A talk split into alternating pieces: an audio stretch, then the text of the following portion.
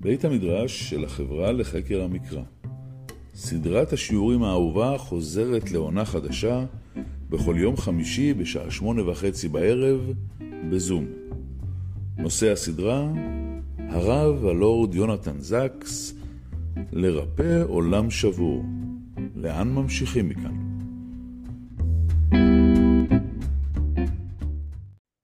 ערב טוב לכולם, מי שאני מכיר, ערב טוב לחיים, ערב טוב גם למי שאני לא מכיר. אמ, ככה, ממש בנגיעה, במאמר אחד על פרשת שבוע, אמרתי נתחיל מזה של הרב זקס, הוא אה, שואל על דמותו של יעקב אבינו, שאולי הוא לא הגיבור, כן, הגיבור ההירואי, גם לא גיבור האמונה, כפי שאנחנו רגילים בספרות העולם, ואפילו בספרות שלנו, כמו אברהם אבינו. הוא אה, אדם יהודי שעבר המון המון משברים, שכל החיים שלו הם מאבקים, שהוא מסתבך, שהוא נופל, שהוא עולה. לא דמות הגיבור הקלאסית, כן? בטח לא אומר באומות העולם, אפילו לא אצלנו. ויש לו שתי הערות מאוד מאוד יפות, מהן אני אתחיל. האחת, הוא אומר, יש אה, מלחינים, טיפוסים, הוא אומר, כאילו, טיפוסים, נגיד, מלחינים כמו מוצרט, וטיפוסים מלחינים כמו בטהובן. מי שמבין קצת מוזיקה קלאסית, אז הוא יודע שמוזיקה של מוצרט זה מעיין טהור, מפקה של אה, צלילים, הרמונים, שיוצאים, נשפכים, של מבנים מוזיקליים מושלמים, קסם. אתה שומע את מוצרט, אתה מרגיש שאתה בעולם הבא. והמוזיקה יוצאת לו כל כך בקלות. בטהובן זה מוזיקה שאתה מרגיש שהיא מלאת מאבק, מלאת תוכן, אבל מלאת מאבק, שהיא לא פשוטה, שהיא מסתבכת, שהיא עולה, שהיא יורדת, שקשה לה להתפתח, ומתוך כך היא כל כך עמוקה, כל כך מורכבת. יש טיפוסים כאלה לא רק בין היוצרים, בין האומנים, יש טיפוסים כאלה גם בתוך החיים. יש אנשים דתיים שהאמונה שלהם היא אמונה כמו של מוצרט, מהעולם הבא, מפוארת, נהדרת, מקסימה. הכל עושה רושם, אין מי שלא מתפעל. ויש אנשים שהאמונה שלהם היא כמו המוזיקה של בטהובן, שהיא מלאה מאבקים, ירידות ועליות, קשיים. דווקא מתוך כך היא עמוקה מאוד. ועל זה מוסיף הרב זקס ואומר, שהתורה מלמדת אותנו שאנחנו מתייחסים לאלוקים, אנחנו יכולים להתייחס אליו לגמרי כמו אלוקים, כלומר, כמושלם, ככל יכול, כאלוקים במובן המלא של המילה, אבל באותה מידה אנחנו יכולים להתייחס לאדם כמו שהוא אדם, כלומר, חסר, נופל, אה, נאבק, ויעקב אבינו הוא בדיוק זה. כלומר, האדם שלא נראה כמו אלוקים, שלא נראה מושלם, שהחיים שלו הם השתלמות ולא שלמות, שהם יציאה מתוך משבר, שהם לימוד מתמיד, ולכן הם חיים יהודיים משמעותיים. ואנחנו יודעים, כולנו בני ישראל, כולנו בית יעקב. כלומר, יעקב אבינו הוא האב שלנו. אברהם אבינו נתן לנו את עוצמות החסד, ההדר והאהבה של ההתחלה, יצחק את עוצמות הגבורה והאיפוק, אבל המציאות, החיים שלנו הם החיים של יעקב אבינו, החיים של אבינו ישראל. זו פתיחה נאה לשיעור ולמציאות שבה אנחנו נמצאים, כלומר מציאות שבה צריך ללמוד מתוך משבר, לקום מתוך מאבק, ולא מתוך חיים פשוטים. לא אמונה פשוטה, לא החיים פשוטים במצב שאנחנו נמצאים, ולכן המציאות של יעקב אבינו, החיים שלו, העמידה מול עשיו והעמידה מול לבן, משברי האמונה, משברי המציאות, הם נקודה טובה להתחיל איתה את העיון במצב שלנו.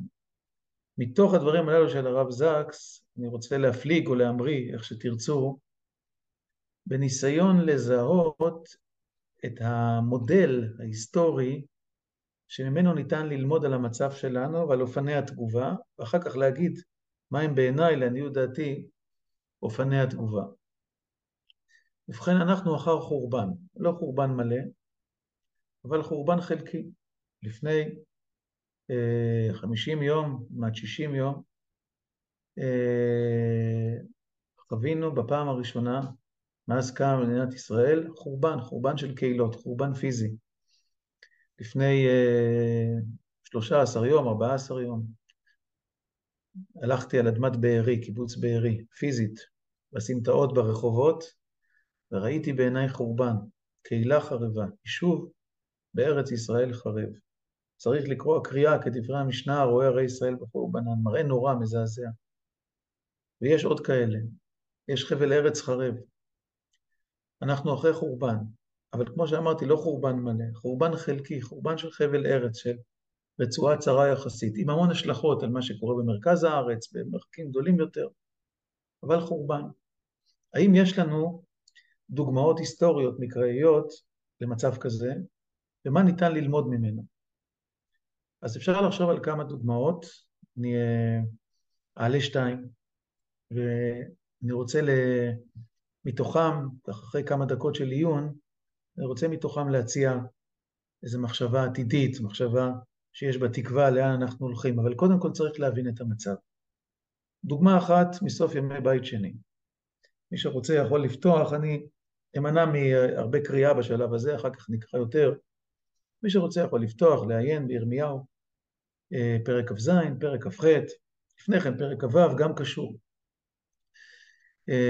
11 אה, שנים לפני שנחרב בית המקדש, עלה נבוכדנצר על ירושלים, כבש אותה והגלה את האליטה, החרש והמסגר, כפי שזה נקרא בתנ"ך, והשאיר את ירושלים תחת שלטון מרחוק, שלטון בבלי מרחוק. המלך יהויכין, שמלך רק שלושה חודשים, הוגלה, וירושלים הייתה תחת טראומה של חורבן, אבל מנסה להבין מה קרה לה, מה המשמעות של החורבן הזה. כשאירע החורבן, מה, מה היו הקולות, כן? מה אמרו אנשים ב, ב, באותה שעה? הרי היה חורבן, אבל לא חורבן מלא. אז אנחנו בטוחים, כשאנחנו מסתכלים במרחק של 2,500 שנה, שבוודאי אם היה חורבן כזה, כל העם התעורר לתשובה, כל העם זז מעמדתו הקודמת, כל העם הבין שהוא טעה. יותר מזה, הרי החורבן של ימי יהויכין, של גלות יהויכין, מה שנקרא במגילת אסתר, עם הגולה אשר הוגלתה עם יחוניה מלך יהודה, אשר הגלה נבוכדנצר מלך בבל. כן, הפסוק בתחילת פרק ב'. אנחנו משוכנעים שהחורבן הזה, הרי ירמיהו ניבא עליו, ירמיהו אמר יבואו הבבלים ויחריבו את ירושלים. אז עכשיו שזה קרה, יגידו כולם, בוודאי ירמיהו צדק, ויסיקו מזה מסקנות. יפסיקו לשקר, לגנוב, תפסיק השחיתות הציבורית, יפסיקו הרציחות של המתנגדים פוליטיים, כמו שהיו בימי יהויקים. כל המציאות תשתנה. יחזרו לעבוד את השם באמת, לא יבואו לבית המקדש להקריב קורבנות סתם, ויאמרו היכל השם, היכל השם, היכל השם המה, ויחשבו שהשם יסלח להם בגלל זה. כל מה שירמיהו אומר, אנחנו בטוחים שזה מה שיקרה. והנה אנחנו פותחים את ספר ירמיהו, ואנחנו רואים שהרבה מאוד אנשים, יש לשער לפי דבריו של ירמיהו הרוב, אחרי שהיה חורבן, לא רק שלא שינו את דעתם, אלא חזרו בעוצמה עוד יותר גדולה לעמדתם הקודמת. החזיקו בה, התעקשו להחזיק בה, לא זזו. אנחנו שומעים את הנביאים, נביאי השקר, אומרים, בעוד שנתיים ימים, חנניה בן עזור בפרק כ"ח אומר, בעוד שנתיים ימים ישיב הקדוש ברוך הוא את הגולים ואת כלי המקדש אשר נלקחו בבלה לירושלים. ואנחנו שומעים נביאים אחרים שאומרים בירושלים, אה, הרי מה שקרה הוא הוכחה שאנחנו צדקנו וירמיהו טעה. כיצד הוכחה? עובדה שלא אירע חורבן שלם. עובדה שאנחנו בחיים. כנראה אלה שגלו הם החוטאים. זו נבואה בפרק כ"ד, יש תאנים שנלקחו מן העץ, הם התאנים הרעות, ויש תאנים שנשארו על העץ, הם התאנים הטובות, נבואת התאנים, שני דודי תאנים ירמיהו רואה. מי הם התאנים הטובות? אנשי ירושלים שנשארו. מה המסקנה מזה שלא ירע חורבן שלם, שכנראה הכל יחזור על תיקונו. מה המסקנה מזה? שלא צריך לזוז, שהכל נשאר אותו דבר. כך היה בימי ירמיהו ב-11 השנים שבין החורבן הראשון, גלות יהויכין, לבין החורבן השני, חורבן המקדש. אנשי ירושלים לא שינו את טעמם, לא הסיקו מסקנות. האדמה לא רעדה תחת רגליהם, למרות שהיו כל הסיבות שהיא תרעד. הם החזיקו באותן שיטות ישנות שהחזיקו בהן כל הזמן, שבית המקדש לא יכול להיחרב, שעבודת המקדש מכפרת על הכל, שאפשר לגנוב ולרצוח ולגזול ולהיות מושחתים ולהקריב קורבנות והכל בסדר, והמקדש נחרב בסופו של דבר. זו דוגמה אחת רעה, אבל יש גם דוגמה טובה, דומה, אפילו יותר דומה למציאות של היום. אנחנו קוראים, מי שרוצה לפתוח מוזמן לרגע, במלכים ב' פרק י"ח. אנחנו קוראים שם בפסוק י"ב, ויהי בשנה הרביעית, זה עוד פעם מלכים ב' פרק י"ח, ויהי בשנה הרביעית למלך חזקיהו, עלה שלמן עשר מלך אשור על שומרון, ויעצר עליה. וילכדו המקצה שלוש שנים, ויגל מלך אשור את ישראל אשורה, וינחם מחלך וחבור, נהר גוזן והרי מדי, אשר לא שמעו בקול השם אלוקיהם. בקצרה, מתוארת כאן גלות שומרון, שלמן עשר עולה על אשור, על, סליחה, עולה על שומרון, וממלכת שומרון, ממלכת ישראל, כפי שהיא כונתה אז, אפרים, מוגלת. טוב, מה קורה אחר כך? כמה שנים אחר כך, אנחנו קוראים בפסוק, אה, אה, בפסוק הבא, פסוק י"ג, וב-14 שנה למלך חזקיה עלה סנחריב מלך אשור על כל ערי יהודה בצורות ויתפסם. המאורע הזה מתואר בספר מיכה, בעיקר בספר מיכה, אבל יש לזה ביטוי גם בישעיהו, חיו באותו זמן, בעמוס, בעיקר מיכה וישעיהו. היו ערים ביהודה שנחרבו, ערי ספר ביהודה שנכבשו ונחרבו. וסנחריב מלך אשור ישב באזור לכיש, ומשם הוא שולח שליחים לירושלים, ושם הסיפור מאוד מפורסם, הוא שולח את רב שקה, והוא מאיים על ירושלים, כמו שהיה חורבן בערי הספר, כך יהיה חורבן גם במרכז בירושלים. ירושלים חרדה, והעם נמצא במבוכה אדירה, וחזקיהו המלך פונה לישעיהו ואומר לו, נביאנו, מה לעשות? מה עושים? אנחנו בצרה גדולה. והנה אותו סיפור, יש חורבן חלקי בספר. הם לא יודעים מה לעשות. מה יעשו? מה יעשה העם? האם האדמה תרעד? האם ישנו את דרכם? האם יחזרו בתשובה? כן, לא. וישעיהו קורא לתפילה ולתשובה. חז"ל מספרים שחזקיהו שינה באותה שעה את כל ירושלים. כל תינוק אה, ישראלי בירושלים הלך, ל... הלך ללמוד תורה, בתלמוד תורה. זו הייתה הפעם הראשונה שפתחו תלמודי תורה. כל בתי המדרש בירושלים היו מלאים תורה. חזקיהו החריב את הבמות, את העבודה זרה, עשה תיקון מוסרי, עשה תיקון דתי, והתפללו להשם. והנה הם קמים בבוקר, בכל הצבא האשורי, 105 אלף, פגרים מתים, וניצלו. כמו שאתם בוודאי יודעים, במוזיאון ישראל אפשר לראות את אסטלה צנחריב, שם, את העתק שלה כמובן, שם מתואר, מתוארים כל הכיבושים של צנחריב, וכשהוא מגיע לירושלים, הוא לא מספר לנו את האמת, הוא מדלג עליה ואומר, הגעתי, לא כבשתי, חזרתי לארצי, כמו שכתוב כאן. אנחנו יודעים למה, כי כולם מתו. כלומר, במקרה ההוא של ישעיהו, העם מבין שהחורבן הראשון הוא איתות, ויכול לבוא חורבן שלם. וירושלים לא נחרבה כי הם עשו תשובה, כי הם תיקנו את דרכיהם. אנחנו נמצאים עכשיו במציאות של היום, אחרי חורבן לצערנו נורא, חורבן חלקי. חורבן שהוא uh, עלה לנו ב-1400 יותר נפשות, חורבן של קהילות, חבלי ארץ שאי אפשר כרגע לשבת בהם, שאולי עוד שנה, אולי עוד שנתיים, נקווה שפחות, אבל מי יודע גם בצפון. ואנחנו מבינים שעברנו טלטלה עזה. אין לנו נביאים, אבל לא סתם אין לנו נביאים, כמו שכל מדינת ישראל לא קמה כתוצאה של נבואה או התגלות אלוקית מפורשת, אלא על ידי אלוקות שבתוכנו, על ידי ההכרה הרוחנית שבתוכנו. מה צריך לעשות, מה מוטל עלינו. כך גם מוטל עלינו להבין את המציאות ולקרוא אותה, כמו לפני 80 שנה, גם עכשיו. ואם קרה דבר נורא כזה, שחווינו חורבן בארץ ישראל, מה הוא אומר לנו? ולפי מסורת יעקב אבינו, שעובר משבר, ויאבק איש עמו עד עלות השחר, והוא עומד בפני סכנה נוראה, הוא לומד מתוך כך מה הוא צריך לעשות, הוא לומד מתוך כך מה מוטל עליו. כן, החיים אינם פשוטים, החיים אינם מאירים באופן אוטומטי. הם נבנים כתוצאה מלימוד ממשברים ותקומה מהם. כל החיים של יעקב אבינו, עד הרגע האחרון, עד סוף ספר בראשית.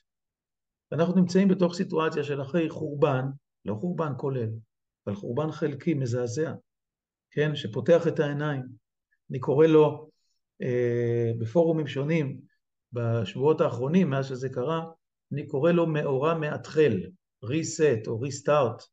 זאת אומרת, שבדרך כלל אנחנו רגילים בחיים, כשקורים לנו דברים, אה, להבין אותם, לפרש אותם, לחשוב אותם, כשלב נוסף, בעקבות כל מה שקרה קודם, עם צורות המחשבה, פרדיגמות המחשבה, התפיסות שהיו לנו קודם. אבל לפעמים גם בחיים של האדם הפרטי יש מאורע שהוא כל כך קיצוני, כל כך מערער, שהוא מאתחל את התודעה, אתה מתחיל לחשוב מחדש. אתה הולך לצומת הראשונה, או לאחת הצמתים הראשונות, אתה אומר, אני לא יכול להמשיך. אני לא יכול להמשיך עם אותן תפיסות, אני לא יכול להמשיך עם אותם דגשים, אני לא יכול להמשיך עם אותן הנחות על המציאות, אני לא יכול להמשיך עם אותה פעילות חברתית, אני צריך לפעול אחרת. יש, זה קורה גם בחיים הפרטיים, כמו שאמרתי, די, לפי מחלה קשה, חס וחלילה, שעוברת על אדם, או דברים כאלה, אומר, אני חייב לשנות את הכל. המאורע הזה בתולדות ישראל, המלחמה הזאת שאנחנו בתוכה, הוא מאורע מהתחל. הוא דורש מאיתנו לחשוב מההתחלה, איך אנחנו ממשיכים. אי אפשר להמשיך כמו שעשינו קודם, כי מה שעשינו קודם קרס לנגד עינינו.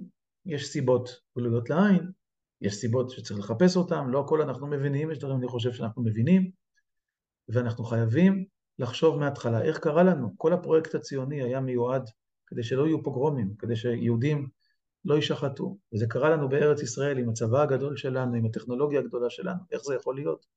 איפה טעינו? מה, מה, מה, מה בשורשים, מה בהתנהגות, מה בתפיסות הרוחניות, מה בהנחות החברתיות. צריך להשתנות מן היסוד, צריך לפעול בכלל אחרת.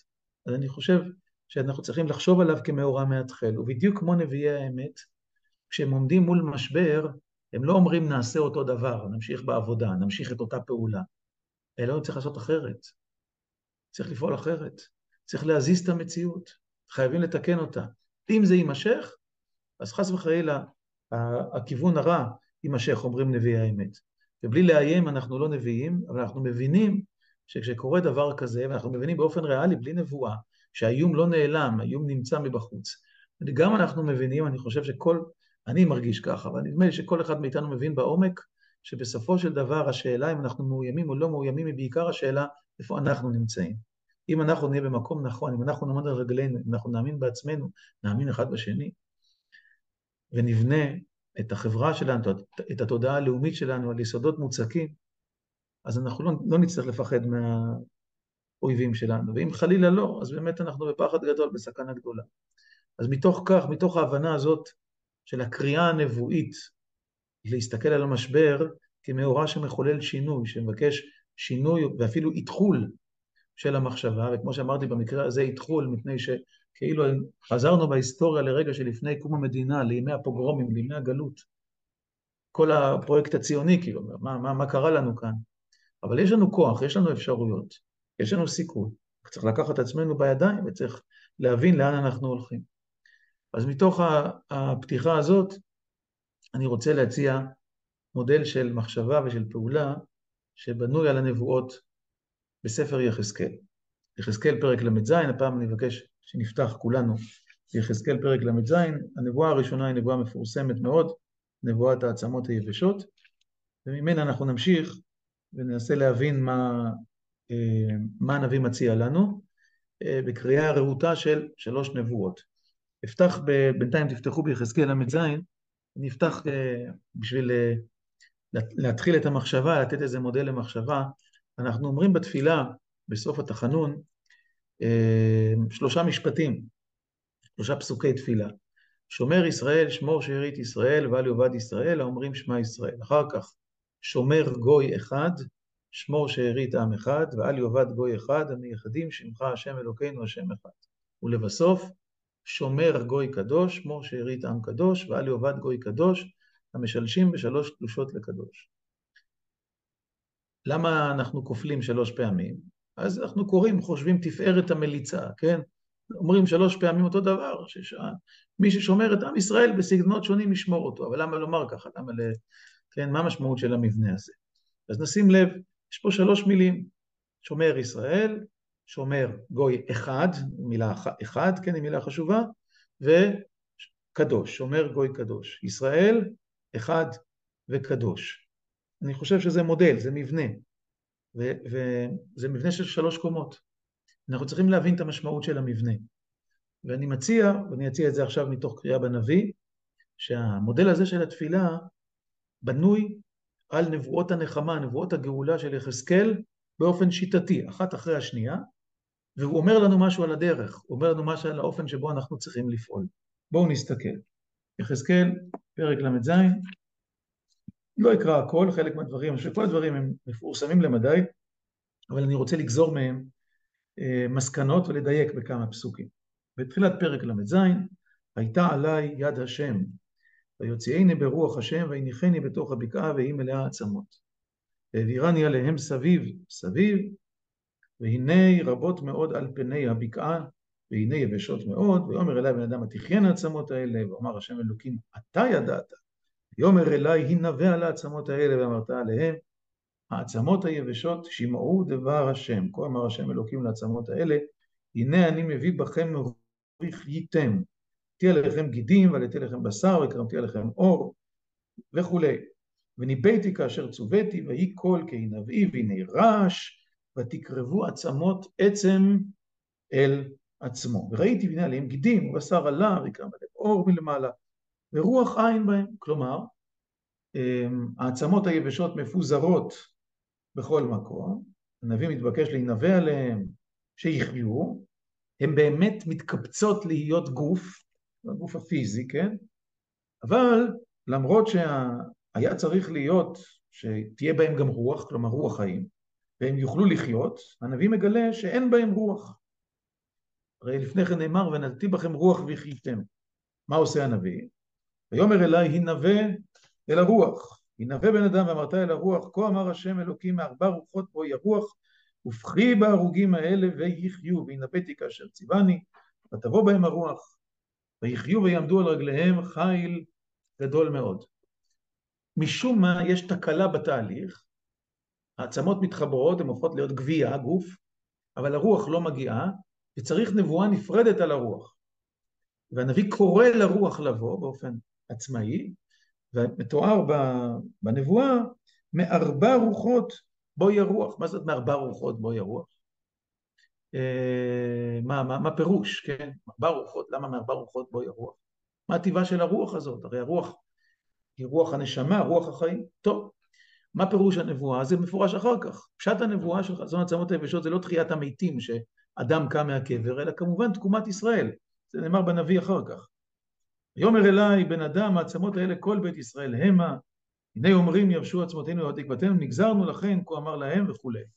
כלומר מדובר על בית ישראל, האומה הישראלית שהגוף שלה מת כאומה, היחידים חיים, יש עצמות, אבל הגוף מת ועכשיו יש נבואה שהגוף יחזור לחיות כגוף, כגוף לאומי, כיחידה לאומית וזה חיבור העצמות שבנמשל הוא קיבוץ גלויות וכנראה הקמת מדינה, כלומר הקמת ממלכה שהיא גוף לאומי, אבל הגוף צריך רוח, ויש בעיה עם הרוח. פה היא הרוח, כן?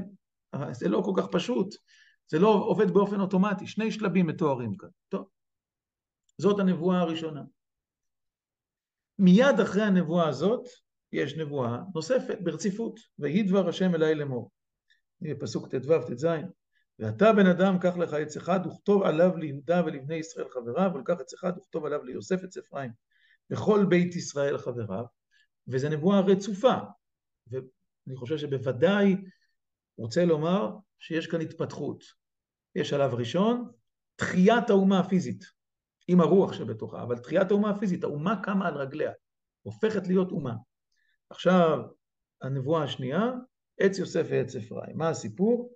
אז הוא אומר לו, וקרב אותם אחד אל אחד לך לעץ אחד, והיו לה אחדים בידיך, וכשישאל העם מה אלה לך, דילגתי פסוק, דבר אליהם, הנה אני לוקח את עץ יוסף אשר ביד אפרים, ושבטי ישראל חבריו, ונטי אותם עליו את עץ יהודה, ועשיתים לעץ אחד, והיו אחד בידי.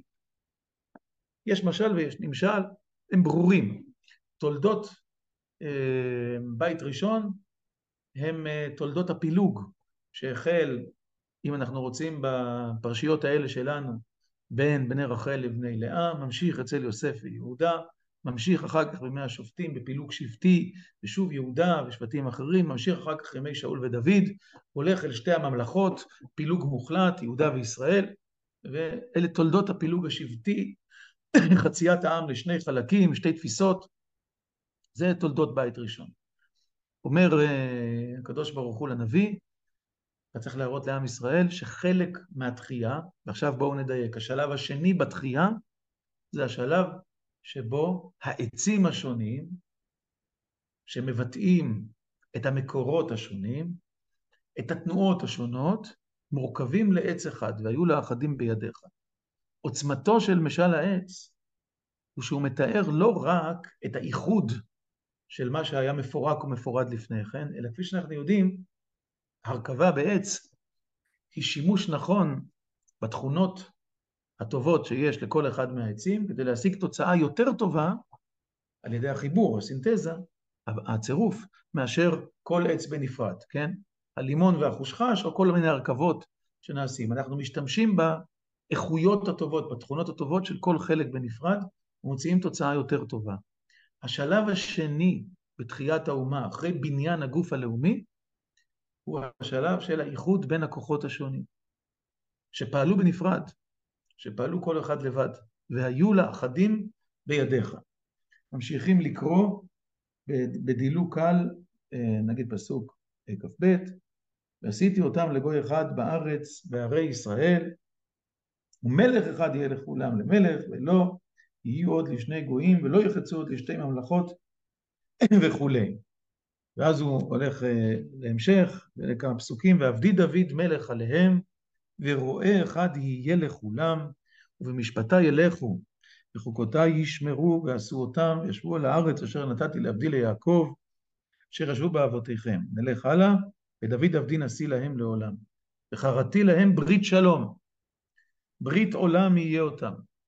יש הבטחה שאחרי שהאומה תתקבץ ותהפוך להיות אומה, מדינה, מלכות, ואחרי שהאיברים השונים, השבטים השונים, התנועות השונות מתאחדות לעץ אחד עם היתרונות שמביא כל חלק מהאומה, יהיה שלום. אז וחרתי להם ברית שלום, תחת נשיא אחד. אחר כך כתוב, ונתתי את מקדשי בתוכם לעולם, והיה משכני עליהם, והייתי להם לאלוהים, והם היו לי לעם, וידעו הגויים כי אני השם מקדש את ישראל, בהיות מקדשי בתוכם לעולם. הנה לנו המבנה המשולש של התפילה. כלומר, אני מבין שהמבנה בתפילה שורשו בנבואות האלה. נחזור, חזון העצמות היבשות. שומר ישראל, שמור שארית ישראל ואל יאבד ישראל, שמור את הגוף הישראלי, את הקיום של האומה הישראלית. שומר גוי אחד, שהוא אחד, שמור שארית עם אחד שלא יהיה להרבה. שלא יהיה חלקים רבים שכל אחד בפני עצמו, ואל יאבד גוי אחד, כלומר שמור את אחדותו, אתה אחד ושמך אחד, ומי כעמך ישראל גוי אחד בארץ. זאת נבואת העצים. ולבסוף, שומר גוי קדוש, שמור שארית עם קדוש ואל יאבד גוי קדוש, כלומר, הנבואה מה שנמצא כאן בסוף, אה, ונתתי את מקדשי בתוכם לעולם, והיה משכני עליהם. כלומר, השלב האחרון הוא השלב שבו המבנה הלאומי של התחייה ושל האחדות, הופך להיות מבנה שמכיל קדושה, השראת שכינה. רוח אלוקים שוכנת בתוך המבנה הזה. אני חושב שהשרטוט הזה של הנביא ושל התפילה במקביל הוא מאוד מאוד משמעותי עכשיו עבורנו, למרות שאנחנו לא נמצאים בין בית ראשון לבין בית שני, והפרובלמטיקה של עץ יוסף ועץ אפרים, של שתי ממלכות, היא לא זאת שלנו, בכל זאת, כפי שאנחנו יודעים, נבואה שנצטרכה לשעתה ולדורות נכתבה. כלומר, למרות שאנחנו לא בין אפרים ליהודה, אנחנו אה, נמצאים עם פרובלמטיקה קרובה מאוד לזאת שהייתה אז, והמבנה הנבואי הוא, אני חושב, המבנה שאיתו אנחנו צריכים ללכת גם בשעה הזאת, ואני אסביר, גם בזמן הזה. עכשיו, האמת היא שאת הדברים האלה אפשר היה לומר גם לפני 80 שנה, אבל לא תמיד אנחנו מבינים ברגע הראשון מה המשמעות של המצב שלנו, וננסה, ל... אה, אני חושב, להסביר כאילו לאן אנחנו הולכים. אולי אה, ניתן טיפה מבט אחורה ואז אה, מבט קדימה. כשקמה מדינת ישראל ב-20-25 שנים הראשונות, היא הייתה עסוקה בהקמה. הישרדות, פשוט לחיות. כן, הגענו מהשואה, מה, מהבורות, מהעצמות, כן, המפוזרות, כמו שסבא שלי היה אומר, אני מהעצמות היבשות שיחיה יחזקאל, והוא התכוון גם במובן המילולי, שהוא יצא מהבורות, וגם במובן הלאומי, שהאומה התקבצה מקצוות הארץ וחזרה להיות גוף לאומי, כמו שהנביא ניבא, זה חזון העצמות היבשות. קח 20-25 שנה, מי שרוצה יכול לסיים את התקופה בששת הימים, ביום כיפור, נגיד ביום כיפור. 25 שנה של פשוט לעמוד על הרגליים, לחיות, להתבסס. אחר כך באה התקופה השנייה, היא תקופת ההתבססות, ההתייצבות. אה, בנינו מדינה חזקה, צבא חזק, עשינו הסכמי שלום, היה נראה שהאיום הקיומי שהיה בהתחלה, במצב ההישרדות, הולך ופוחת, אפילו נעלם, עמדנו על הרגליים בצורה טובה. עד סוף שנות התשעים פחות או יותר, תשעים וחמש, אלפיים, אי אפשר לדייק בדיוק, אבל פחות או יותר עד השלב הזה. בא השלב השלישי, 25 השנים הבאות, שלב שאנחנו עכשיו נמצאים, להבנתי, בקיצו, כן? אה, ובשלב הזה מדינת ישראל הגיעה לשגשוג בלתי רגיל, ממלכת הייטק, ממלכת מדע וטכנולוגיה, כלכלה פורחת, אה, שפע, עושר, כן, לפי כל הסקרים, אה, תחושת רווחה, ומשהו קרה. כי בשלב הראשון של ההקמה, שבו היינו עסוקים בהישרדות, היינו מאוד מאוד לאומיים, היינו חייבים לעסוק באומה. כמעט לא היה מקום לאינדיבידואל. כן? טקסי יום הזיכרון היו טקסים של גבורה לאומית, בתי הילדים של הקיבוץ היו דוגמה להקרבה למען החברה ולמען אה, ההתיישבות. אה, בחינוך דיברו על ערכים לאומיים, השירים ששרו היו שירים לאומיים וכולי. כולנו היינו עסוקים בהקמת האומה. בשלב השני, 25 שנים הבאות התחילה תזוזה, בשלב השלישי, שלב השגשוג, הפך אותנו לבורגנים, לנהנתנים במידה זו או במידה אחרת, נהנים מחיי רווחה, ובעיקר למאוד מאוד אינדיבידואליסטים, מרוכזים באינדיבידואל, בעצמי, בהתפתחות של כל אחד. יש לזה היבטים חיוביים, יש לזה היבטים שליליים. גילינו שיש יחיד בימי הזיכרון לשואה ולחיילי צה"ל, גילינו שיש פרטים, לא רק כלל, גילינו שיש שמות, גילינו שיש סיפורים, ובמקום לדבר על גבורה ועל לאומיות ביום הזיכרון לחיילי צה"ל, התחלנו לספר סיפורי אבל וזיכרון. יש לזה יתרונות, יש לזה גם חסרונות גדולים. אותו דבר גם בהקשרים אחרים. השירה הפכה כמעט כולה להיות שירה פרטית. שירת האהבה, שירת הדיכאון, שירת המצב הפרטי, כמעט אין שירה לאומית בעם ישראל כבר עשרות שנים. כן, היא כמעט נעלמה. אותם זמרים ששרו שירים לאומיים, הפסיקו לשיר שירים לאומיים ועברו לשיר שירים אישיים. תראו כאלה ששרים כבר 50 שנה. כן, אה, מה, מה קרה להם. וכן בכל השטחים. המדינה קיימת בשביל היחיד. כך ב-25 שנה האחרונות. איבדנו הרווחנו הרבה, איבדנו הרבה. איבדנו את הרוח הלאומית, איבדנו את הרוח המשותפת. יותר מזה, חשבנו שאנחנו אה, על פסגת העולם, אנחנו לא מאוימים, שהכל מצוין, ולכן שאנחנו יכולים אה, לשכוח מהרוח וגם לריב. כאילו אה, האויבים שלנו זה אנחנו, ולא אחרים ש, שנמצאים מסביב. איבדנו אוריינטציה בהרבה מובנים. אה, ואנחנו נמצאים היום אחרי 75 שנה ואחרי החורבן שקרה לנו, במצב שבו נפקחו העיניים ואנחנו שואלים שאלות של הישרדות, כמו ששאלנו לפני 75 שנה, כמו ששאלנו בקום המדינה. וממצב של אה, אינדיבידואליזם חריף, גילינו פתאום שיש לעם ישראל אינסטינקטים מאוד בריאים, וחיילים צעירים מכל העולם מטיילים בדרום אמריקה, בהודו, באפריקה וכולי, הגיעו ברכבות אוויריות כדי להילחם, כדי להקריב את עצמם למען האומה. דתיים, חילוניים, רחוקים, קרובים, בכלל לא משנה. פתאום חזרה האומה, פתאום מדברים בשפה לאומית. כן, כמו לפני 60 ו-70 שנה. חמש שנים, ועוד יותר בשנה האחרונה, הכינו אחד את השני, רבנו, הלכנו אחד על הראש של השני, פתאום עכשיו אנחנו משתפים פעולה ביחד ננצח. מה קרה כאן? מה זה אומר? מי היה לנו?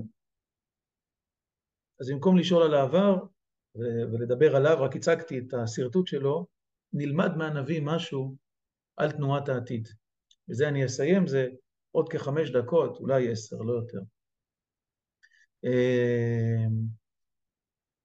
האתגר שלנו, האתגר שעומד לפנינו, הוא בשלוש קומות, ובסדר הזה דווקא, כן, כמו שאני אה, אומר, וזה מאוד מאוד חשוב, כי פה טעינו טעות חמורה.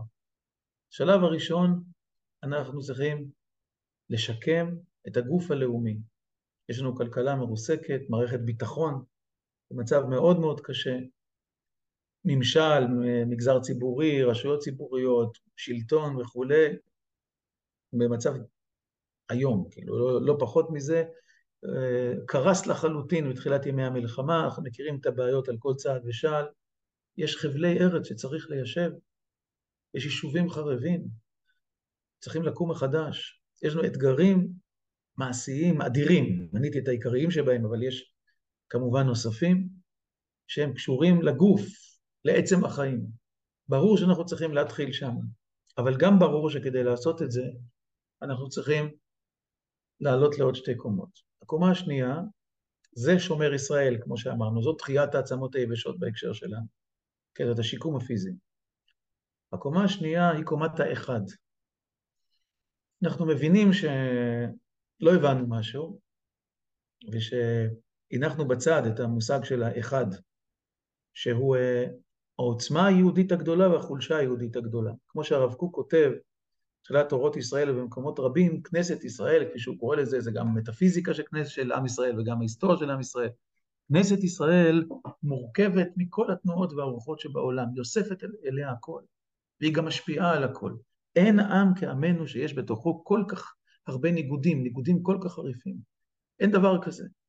אין עם שנציגים שלו הובילו כל כך הרבה תנועות חברתיות ואידיאולוגיות ברחבי העולם שהשפיעו על העולם ושינו אותו. או פיתוחים אינטלקטואליים חדשים. אין עם כזה. זו עוצמה אדירה, זה נותן לנו כוח אדיר, אבל זה גם חולשה גדולה. אם אנחנו רואים בריבוי הזה אה, מקור למריבה, והוא הופך להיות שורש לקונפליקט, כי יש לנו פרדיגמות שונות, יש לנו תפיסות שונות, יש לנו אידיאולוגיות שונות וכולי, זה מפרק אותנו, כמו שקרה לנו בשנים האחרונות. כמו שקרה לנו גם קודם, אבל בשנים האחרונות בצורה הכי חריפה. זה פשוט מפרק אותנו. אם אנחנו מבינים שזה כוח, ואם אנחנו מרכיבים את זה אחד על השני, יש לנו כוח שאין לאף אומה אחרת כמשל העצים, אז באמת אנחנו יכולים להיות אה, דוגמה ומופת לעולם, לא רק במובן הזה שאפשר להיות מאוחדים, כאילו לא, לא להתפרק, אלא שהעוצמה הרוחנית והאינטלקטואלית שיש בעם ישראל כשהיא בנויה ביחד היא לאין שיעור מכל אומה אחרת. כמו שכבר כתב הרב קוק באופן ראשוני, אבל זה מאוד מאוד משמעותי, באורות התחייה, פרק י"ח, אומר שלוש רוחות, או שלוש תנועות יש בעמנו, והוא, סיימן, והוא סימן אותם כמעט כמו שהם היום. אומר התנועה הליברלית, התנועה הלאומית והתנועה הדתית. גם היום זה פחות או יותר כך, כן? כלומר, אי אפשר שעם ישראל יתקיים בלי ששלוש הרוחות הללו, התנועות הללו, ימצאו את מקומם באופן שלם ומשמעותי, ובסוף באחדות. הקיום השלם של עם ישראל זה להחזיק את שלושתם יחד. אפשר להרחיב, אבל זה ה... רגע.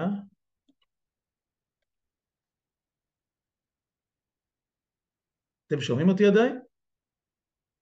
כן, משהו נפל לי. כן, שומעים מצוין. יופי. אז אני, אני, אפשר, אני רק אדבר על המשמעות המעשית של זה. איבדנו את זה, וטעינו טעויות מאוד מאוד קשות, עכשיו אני לא מסתכל אחורה, אפשר אחורה להתווכח כמה שרוצים, זה השם, זה השם, זה השם. אה, גוי אחד, אותה סיסמה שמוליכה עכשיו את המלחמה, ביחד ננצח, שהיא נכונה, היא קונקרטית, והיא מבוססת על תודעת הגורל, על מצב ההישרדות שאנחנו בתוכו, חייבת להימשך, אבל הפועל ננצח צריך להיות מוחלף, אחרי שננצח בעזרת השם. והביחד שנמצא בהתחלה, שהוא מילה טובה, יותר טובה מהמילה אחדות שרגילים להשתמש בה, בגלל שאחדות זה רעיון מופשט, אפשר להגיד אותו והוא לא מחייב שום דבר. ביחד זו מילה שמתארת אופן של פעולה. אנחנו פועלים ביחד, אנחנו מנצחים ביחד, אנחנו לוחמים כתף אל כתף. המילה ביחד צריכה להנחות אותנו בשלב הבא, ביחד נשקם, ביחד נבנה, ביחד ננהיג, ביחד נסכים על הדברים שלא הסכמנו ולא נעשה את זה לחוד. ביחד ניגע בפצעים הפתוחים, בקונפליקטים שלא הצלחנו לטפל בהם בצורה נורמלית כי עבדנו בכוח ועבדנו עם פוליטיקה. ביחד ניגע בהם, בסטטוס קוו, ביהודית דמוקרטית, בשיטת המשטר, בכל צירי המתח, הקונפליקט, ביחד, נעשה את זה ביחד. אם נעשה את זה ביחד, נביא לידי ביטוי את המורכבות המפוארת של המצב היהודי, הרב זקס כתב על זה המון, כלומר את החוכמה שנלקחת מכל העולם, את הכיוונים השונים וכולי, ונוכל לבנות מבנה מדיני, חברתי, שהוא יותר עמוק, יותר גבוה מכל אומה אחרת. אחרת אנחנו מפרקים את עצמנו, אי אפשר בלא זה. זה, זאת הקומה השנייה, והיא הכרחית, מחר בבוקר, כן? ברגע שנוכל להתחיל להתפנות למשהו אחר, צריכים להיות מוכנים לתנועה הזאת. ובעיניי, זה צריך להיות הציר שמוביל את התנועה הלאומית, הפוליטית, החברתית שלנו, שכולם צריכים להיות שותפות בו, שותפים בו, ומי שלא, יישאר בחוץ, יהיה שוליים, אבל שלא יהיה מרכז הסיפור. והשלב השלישי, בשפה של הנבואה זה הקודש, זה השכינה, כן? זו שפה דתית. כמובן הנבואה היא מדברת בשפה אמונית, בשפה דתית. כלומר, יש מבנה פיזי, יש יחד, שהוא יכול להיות היחד של המדע, היחד של הפוליטיקה, היחד של החברה, היחד האינטלקטואלי, אבל העם צריך קומה נוספת, קומה שמחברת אותו לשמיים. עם ישראל מההתחלה, מראשית דרכו, הוא עם שמחבר ארץ ושמיים. זאת השראת השכינה, זהו המקדש. בשביל שהשפה תהיה רלוונטית לכל עם ישראל, ולא במובן של החלפת מילים מכובסת, אלא אמיתית. המשמעות שזה עבורנו, כי המילים קודש ושכינה הם מילים שיש להם איזה תוכן. אנחנו רוצים שלחיים שלנו יהיה תוכן רוחני, שחיים יהודיים בארץ ישראל, בחברה הישראלית, יהיו חיים מלאי רוח, שאנחנו כולנו, כל עם ישראל, אה, נחזיק בערכים ובאמונות משותפים, משותפות, שנחלום חלומות ביחד על איך החברה הישראלית צריכה להיות, איך מדינת ישראל צריכה להיות, מה היא צריכה להיות בשביל העולם, כמו שחלמנו פעם, לפחות חלקנו חלמנו פעם, כמו שרצינו, כמו שכתוב בתורה, כמו שכתוב בנביאים, וכמו שאנחנו צריכים לעדכן בהתאמה למציאות זמננו היום, שתהיה רוח, רוח, ששואב, רוח ששואבת מהשורשים היהודיים, רוח ששואבת מהשורשים הישראלים והציוניים, רוח שנבנית ביחד, פשיטא, יהיו גם רוחות שונות, נפרדות, לא כל אחד יחלום אותו דבר, לא כל הערכים המשותפים, אבל שיהיה לנו בסיס משותף, של חלומות משותפים, של ערכים משותפים, של מקורות משותפים, בלי איום, בלי פחד, בלי שמישהו חייב לעשות משהו. רוח, כמו שהיא רוח, כן? רוח שהיא תנועה רוחנית. וכאן מגיע סוד גדול. במבנה של השלוש קומות של הנביא ושל התפילה ושהצעתי עכשיו לתיקון של מדינת ישראל ושל עם ישראל עכשיו, קומת הרוח או הקודש בשפה הנבואית היא הקומה השלישית, הקומה הגבוהה ביותר. היא מגיעה אחרי שני, שתי הקומות הראשונות. אבל כבר הערנו קודם שבנבואה, כבר בשלב הראשון של הגוף מופיעה הרוח. ומה נאמר? מארבע רוחות בואי הרוח. מה זה אומר? זה אומר שאף על פי שהרוח, במובן הלוגי, כן, היא השלב השלישי, כמו תינוק, תינוק הוא קודם כל צריך לחיות, כן, אחר, כך הוא חי חיים חברתיים, נקרא לזה אחד, ואחר כך הוא מגיע לחיים ערכיים או חיים רוחניים כשהוא גדל. כן, זה, זה שלבי התפתחות, אז אפשר לחשוב על זה ככה, אבל לא. הנביא מלמד אותנו דבר מאוד משמעותי, שכדי שהגוף יחיה, כדי שהגוף יחיה, בואי הרוח, אנחנו זקוקים לרוח. הרוח לא באה באופן אוטומטי. אי אפשר לשקם, אי אפשר לבנות, אי אפשר לעשות כלכלה, אי אפשר להקים מחדש חבלי ארץ רק עם אדמיניסטרציה, רק עם בניית בתים או בריכות. זה לא ילך. אי אפשר שעם ישראל יעמוד על רגליו אם לא תנשוב הרוח מחדש, אם לא תנשוב באופן משמעותי. אז נכון שזה לוגית בקומה השלישית, אבל במובן הקיומי, במובן הנפשי, הצורך ברוח הוא צורך ראשוני, הוא צורך של כולנו. צורך. שנאמין בחיים שלנו, בעצמנו, שהם יהיו מבוססים על תנועות פנימיות, על ערכים, על אמונות. שוב, אנחנו צריכים לדבר עליהם ביחד, לא שאני אגיד למישהו אחר או מישהו אחר יגיד לי, אבל מוכרח להיות, מוכרח שאנחנו נחיה שם, שנשאף שאיפות רוחניות, בכלל, בכלל ובפרט. זה יעזור לנו לעמוד על הרגליים. אם יחלמו אה, מפוני היישובים, כן, שנמצאים כאן בתל אביב הרבה, כולי מפוני היישובים, על זה שהחזרה לנגב היא חזרה אידיאלית, היא חזרה עם רוח חדשה, עם רוח ציונית חדשה, עם אידיאל חברתי חדש וכולי, הם יוכלו לחזור למרות הפחד, למרות הקושי.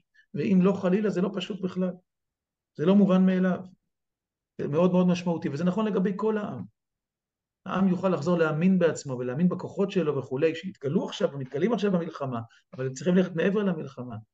אם תהיה לו רוח, אם יהיה לו חזון, זה בואי הרוח, ומארבע רוחות בואי הרוח. ארבע רוחות בואי הרוח, הרי ברור שהכוונה היא ויקבץ נידחינו מארבע כנפות הארץ, הכוונה היא מכל הרוחות שעם ישראל נמצא בהן, כאילו בני תימן הביאו את הרוח מדרום, בני פולין הביאו את הרוח מצפון, כן? בני אנגליה או אמריקה הביאו את הרוח ממערב, בני המזרח, אני יודע, עיראק וכולי, הביאו את הרוח ממזרח, וכולי וכולי, כלומר, מארבע רוחות בואי הרוח, הרוח צריכה לבוא מכל מקום שיהודים היו בו, והכוונה לא רק גיאוגרפית, אלא הרוחות השונות, כמו שאמרנו בהתחלה, והיא תנאי לקיומו של הגוף. אלה הם שלושת הקומות, שלוש הקומות, שלושת השלבים שהנביא מתאר, ואני חושב שגם היום זה צריכה להיות, צריכה להיות במוקד המשימה הלאומית שלנו, שאנחנו בונים שלוש קומות, והקומות הללו הן קומות שצריכות להיבנות מהמסד עד הטפחות, כשכלל הביחד שומר גוי אחד, כמו שהסברנו אותו, וכשההבנה של החיוניות של הרוח מנחים גם את הבניין הפיזי של עם ישראל, כלומר את השיקום הפיזי ש... שעומד בפנינו.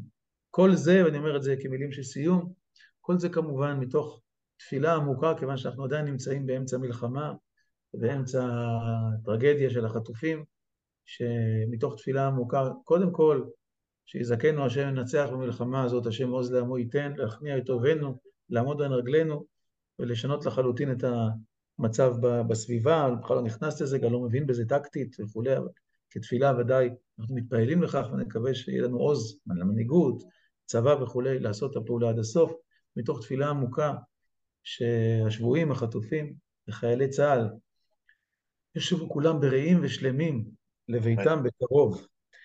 תודה, תודה.